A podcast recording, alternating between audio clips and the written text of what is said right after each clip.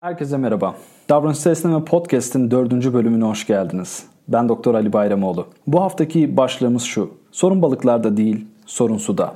Geçen hafta haz ve tüketim toplumunun iyi hissetme psikolojisinin temel kabullerini yani merkez dogmayı ele almıştık. Bu hafta sorgulamamızı derinleştirmeye devam edelim. Günümüzü özetleyen şu sözü hiç duydunuz mu? Biz mutlu fotoğrafları olan hüzünlü bir nesiliz.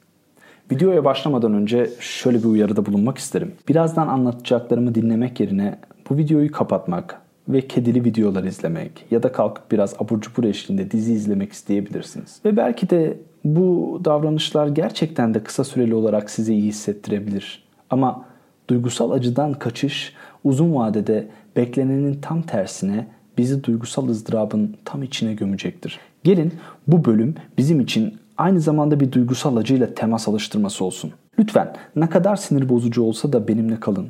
Çünkü sorunu çözmenin birinci aşaması bir sorun olduğunu kabul edip o sorunla temas edebilmektir. Hadi başlayalım.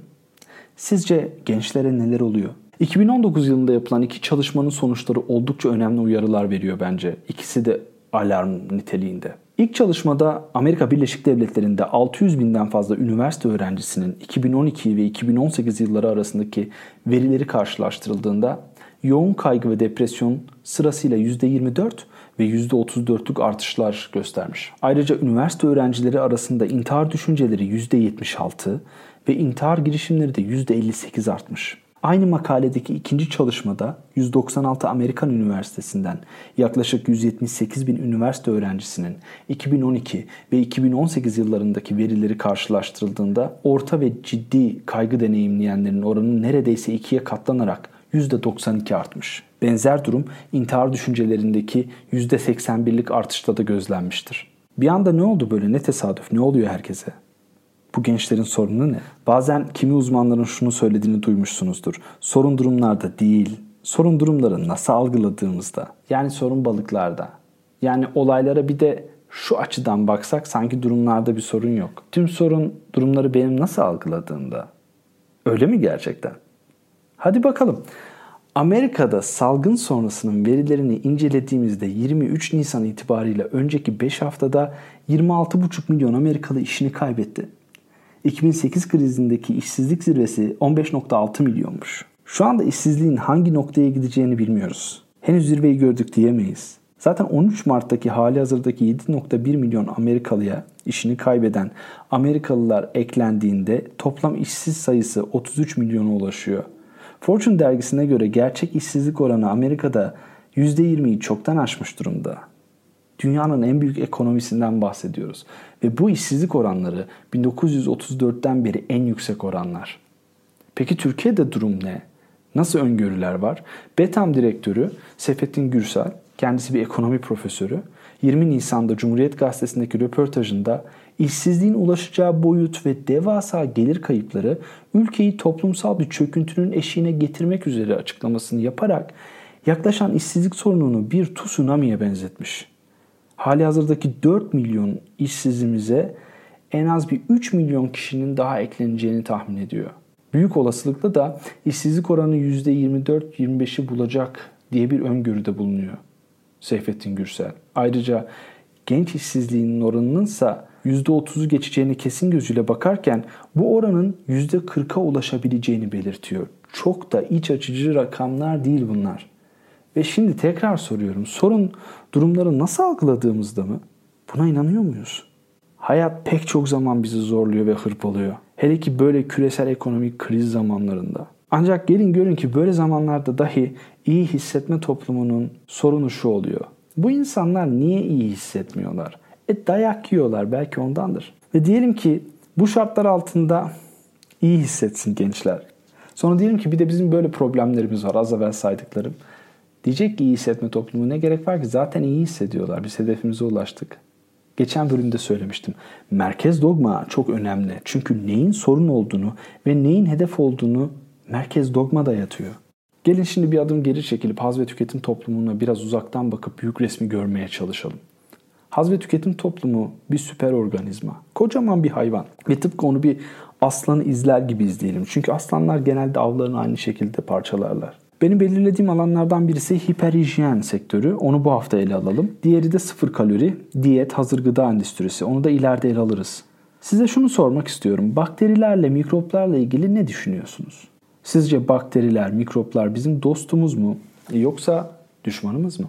Özel bir eğitiminiz olmadığı halde bakterilerle ilgili bir fikriniz varsa bu konuda çoktan eğitilmişsiniz demektir. Özel olarak bu konu hakkında kitaplar, makaleler okumadıysanız eğitimi muhtemelen televizyon dizilerinden, haberlerden, reklamlardan ve popüler kültürün diğer araçlarından almışsınızdır. 19. yüzyılda şarbondan vereme, tetanoza, vebaya pek çok hastalığa yol açan bakteriler tespit edilmiş. Bu dönemde mikroplar hastalıklarla eş tutulmuş. Hatta bu dönemde diyor Ed Young, bakteriyoloji mikropları insanlardan uzak tutmayı ve onları yok etmeyi hedefleyen bir bilim alanı haline gelmiş. Daha sonra pompalanan hiperhijyen düzeni günümüzde de etkisini devam ettirmekte ve bizi eğitmeye de devam ediyor. Bu eğitim nasıl oluyor derseniz size bir örnek vereyim. Belki hatırlayanlarınız olur. Kapı tokmağında klozette bulunandan daha fazla bakteri olduğunu biliyor muydunuz? Doktora eğitimim sırasında cildimde bir sorun oluşmuştu ve soluğu doktorda almıştım. Doktor bana sorunumun mantar olduğunu ve sebebinin de aşırı yıkanmak olduğunu söylemişti. İlaç, krem artık ne varsa böyle bayağı ağır bir tedaviye başladık ve çok moralim bozulmuştu benim. Ve aksi gibi bir, bir sene geçmeden sorun kendini tekrarlamıştı ve ben yine aynı hastaneye gitmiştim. Fakat bu sefer başka bir doktor vardı ve ben doktora demiştim ki ya biliyorum bu mantar bana söylediler ve çok yıkandığımdan oluyormuş ancak ben artık haftada bir yıkanıyorum ve daha az yıkanamam. Ee, sizin bir şey yapmanız gerekecek dedim. Doktor da bana şöyle bir soru sordu. Banyoda sabun olarak ne kullanıyorsunuz? Ben de dedim ki antibakteriyel sıvı sabun kullanıyorum. Bakterilerin tamamını yok ettiği için onu tercih ediyorum. Niye tercih etmeyeyim ki? Allah aşkına bu doktor bilmiyor mu ya? Kapı tokmağında, klozette bulunandan daha fazla bakteri var. Ve doktor bana dedi ki o mantar niye oluyor biliyor musunuz? O antibakteriyel sıvı sabunu kullandığınız için oluyor. Çünkü bunlar gerçek anlamda dediklerini yapıyorlar. Bunlar cildimizin yüzeyindeki normal floranın dengesini koruyan bakterileri silip atarak mantarlara karşı bizi savunmasız bırakıyorlar dedi. Tabii ben bunları dinlerken hani nasıl kaç tane ilaç kullanacağım diye moralim bozuk bir şekilde dinliyorum ve dedim ki ya peki ne yapacağım? Ne, ne, ne yapmam gerekiyor? Dedi ki bana Hacı Şakir kullanacaksınız dedi. Dedim hepsi bu mu? Evet dedi. Peki dedim diyelim ki ben Hacı Şakir bulamadım yani ne olacak? O zaman dedim marketten içeri gireceksiniz. Bulduğunuz en ucuz sade sabunu alacaksınız dedi. Antibakteriyel sabunu hayatımdan çıkarıp sade sabun kullanmaya başladıktan sonra o sorun yaklaşık 11-12 senedir hiç tekrar etmedi. Çözüm oldukça basit ve sadeydi. Başıma bela açan şey bilmediğim bir şey değildi. Başıma bela açan şey bildiğim, doğru olduğuna emin olduğum ama doğru olmayan bir şeydi. Ben mantardan kurtulmak için popüler kültürün bana öğrettiklerinin, reklamların dediğini yapıyordum. Banyoda antibakteriyel sabun kullanarak mantarlardan kurtulmaya çalışıyordum, korunmaya. Ama ben antibakteriyel sabun kullandıkça cildimin yüzeyinde beni koruyan bakterileri yok ettiğim için mantar sorunum ortaya çıkıyordu. Ve bu sefer ben mantardan kurtulmak için daha fazla antibakteriyel sıvı sabun kullanıyordum. Ve ne oluyordu? Bu sefer mantar sorunum daha da artıyordu. Peki bunun karşında ben ne yapıyordum? Daha fazla antibakteriyel sıvı sabun kullanıyordum. Bu bir döngü. Acaba benzer bir döngüyü diyorum psikolojide yaşıyor olabilir miyiz? 2007'deki bir makalede insanla ilgili yaklaşık 2100 bakteri türü tespit edildiği yazıyordu. Ve bunların arasında insan için tehlikeli olan bakteri türü sayısının yüzden az olduğu ifade ediliyordu. Yani eğer bir bakteriyle karşılaşırsanız ve bahse girecekseniz illa paranızı o bakterinin zararlı olmadığına yatırın diye öneriyor uzmanlar. Ancak popüler kültürün her yerde ve görünmez eğitimi sayesinde mikrop ya da bakterileri bir düşman ya da bir hastalığın habercisi gibi algılıyoruz. Benzer durum iyi hissetme psikolojisinin verdiği eğitim için de geçerli. Mesela şu eğitimi şöyle özetleyebiliriz. Duygusal acıyla temas sorun. İyi hissetme çabası hedef. Nasıl geliyor kulağa? Peki yani şöyle özetleyelim daha özet. Duygusal acıyla temas düşman, iyi hissetmek dost. Nasıl geliyor kulağa? Olabilir, olabilir, olabilir. Ama ya şöyle yaptığımda ne oluyor? Duygusal acıyla temas hedef, iyi hissetme çabası sorun. Hmm. Duygusal acıyla temas dost, iyi hissetme çabası düşman. Hadi bakalım. Bu kulağa garip geliyor olabilir. Demiştim değişim ilk başta saçma, mantıksız, tuhaf, çocukça ve hadi canım dedirterek gelecek. Tıpkı Kopernik'in ve Galileo'nun dünyanın döndüğünü iddia etmeleri gibi. Allah aşkına bakın bir etrafınıza. Dünya hiç dönüyormuş gibi duruyor mu?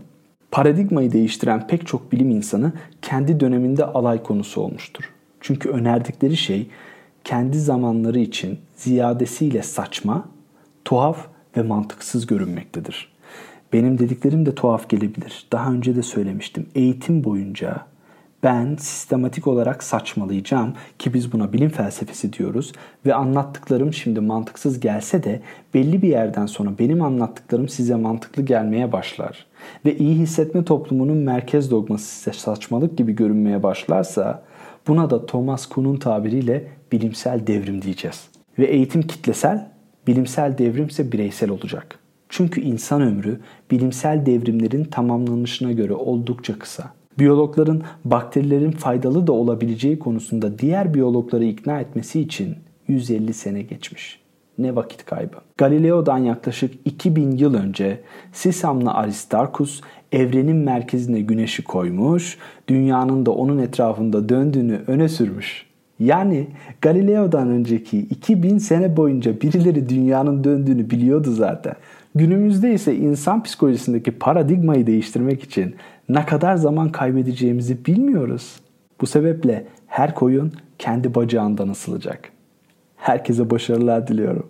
Günümüzde üçüncü dalga davranışçılar da benzer bir şeyi söylüyorlar. Tıpkı bakteriler gibi duygusal acının pek çoğu bizim için zararlı değil. Hatta seçtiğimiz hayatı dolu dolu yaşamamız için duygusal acı bizim için çok önemli bir yol arkadaşı.